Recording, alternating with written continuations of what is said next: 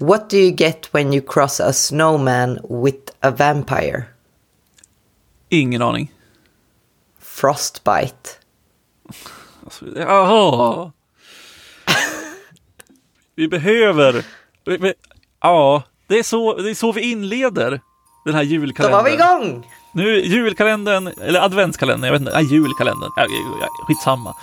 Jul och, Alltså jag tänker ju instinktivt att adventskalender bara borde vara fyra, max fem luckor. Ja, för att det är advent. det är väldigt sant. Det här är fan en julkalender. 2023, vi är på lucka nummer ett. Och vi har en ny take från förra året. En riktigt originell take, måste man säga. Ja, ni kunde aldrig ha gissat. Nej, särskilt, Efter allt vårt särskilt inte när vi har tjatat om att ni ska skicka in lyssnarfrågor i tre månader kanske. Men, men. Eh, det är det det handlar om i alla fall i den här julkalendern. Varje lucka kommer stå av en bestå, kan inte prata, kommer bestå av en lyssnarfråga som eh, någon av er har skickat in. Och sen får vi se. Det är högt och lågt kan jag väl säga nu, så behöver jag inte spesa vilka frågor jag tycker är sisådär när vi kommer till, fram till dem. Du kan inte hacka på folks frågor. Ja, men det, vi, vi kommer komma till varför. Typ, alltså 90 procent av frågorna vi fick in, som jag inte har tagit med, handlar ju om hur är det med min fot? 90 procent. Alltså överdriften nu är... 75. Enormt. Jag kan sträcka mig till 75. Hur är det med foten då? Det skiter vi i just nu. Vi ska ta första frågan eh, som kommer från vår lyssnare John. Och det här, det känns som att vi är lite sen på bollen här, men frågan går så här. Hej Anton och Therese! Lyssnade på ert senaste avsnitt och tänkte skicka in en fråga. Har ni något eller några generella tips till juniora utvecklare som precis ska börja jobba? Jag gör min första praktikperiod på måndag och det hade varit kul att få höra lite råd eller tips. Tack! Det är också det är så länge sedan. Åh, Ja. Alltså, eh, förlåt John, Eh, jätteglad för frågan, eh, men förlåt för att svaret kommer extremt sent. Ja, vad, eh, vad har vi för svar på det här? Har du något råd, Therese? Eh, nej, alltså jag tror... Jag tror mitt enda, alltså mitt allra första råd är typ så här. Andas. Chilla. Andas igen. Det, det, är mina, det, det är mitt initiala råd som jag har att ge. Och nu är alla kanske inte sådana, men det är mer för att jag känner att så här, börja på den här grejen, det kan vara otroligt överväldigande. Eh, kanske inte för alla, men just att det här med att stressa upp sig och bara liksom se allt som man inte kan eller allt man inte förstår eller allt som måste göras kan bli otroligt stressigt. Det är bra att lära sig liksom ta en liten sak i taget, tänker jag.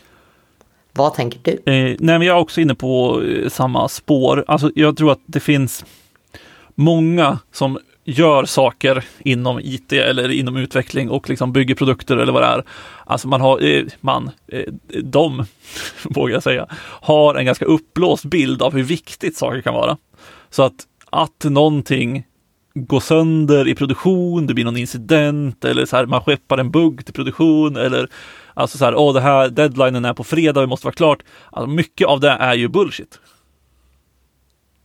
Och jag eh, tycker att det är vettigt att ha det i åtanke. Med det sagt ska man inte vara så här, fuck it, ingenting spelar någon roll. Men man ska ha i åtanke att så här, det är inte hela världen om produktion går ner eller det är inte hela världen om eh, man gör någonting dumt en gång, för att alla gör det. Och jag tycker att särskilt... Alltså det beror fan på vart du jobbar. Ja, absolut. Alltså sitter du på Amazon och sänker produktion så kanske det kostar lite pengar. Men man måste ändå prata för den, den stora massan. Eh, de sitter inte på Amazon och har möjlighet att sänka produktion. Utan det oftast handlar det om, liksom, eh, inte för jag, ICA. Och det gör liksom inte skitmycket för ICA om eh, det skickas en bugg till produktion. Jag tänkte mer på medtech. Ja, okej. Det är så här, det, det var ett läskigt område. Jag, jag, gick till, jag gick till Amazon och pengar. Kapitalisten som jag är. Nej, du har såklart rätt. Och jag menar, är man inom medtech så kommer det också vara så att du kommer inte bara sitta och trycka ut kod som kan vara buggar direkt ut i... Det, det kan jag inte tänka mig. Nej, exakt. Ehm. Men det vill, min, min essensen i det jag vill säga är väl att så här, eh, man behöver inte ta allting superallvarligt bara för att någonting går fel. Eller man behöver liksom inte, jag tror man kan vara ganska trygg i sig själv i sin leverans utan att tänka att så här, ah, jag får inte göra några fel överhuvudtaget.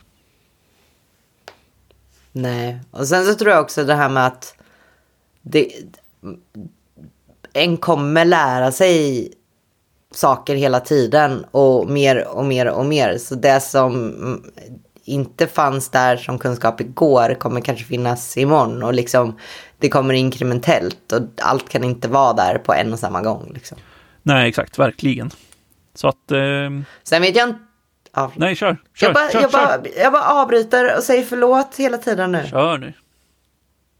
Nej, men jag tänkte också att det, om det var så att man, man kanske var ute efter mera specifika teknikfrågor. Alltså jag vet inte, typ eh, läs på om det här, det är bra. Eller eh, ah, det, gör nej, det, är ju, det är ju omöjligt.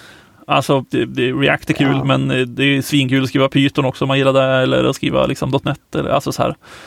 HTML, CSS. Alltså, det är svårt att ge något råd utan att veta en kontext.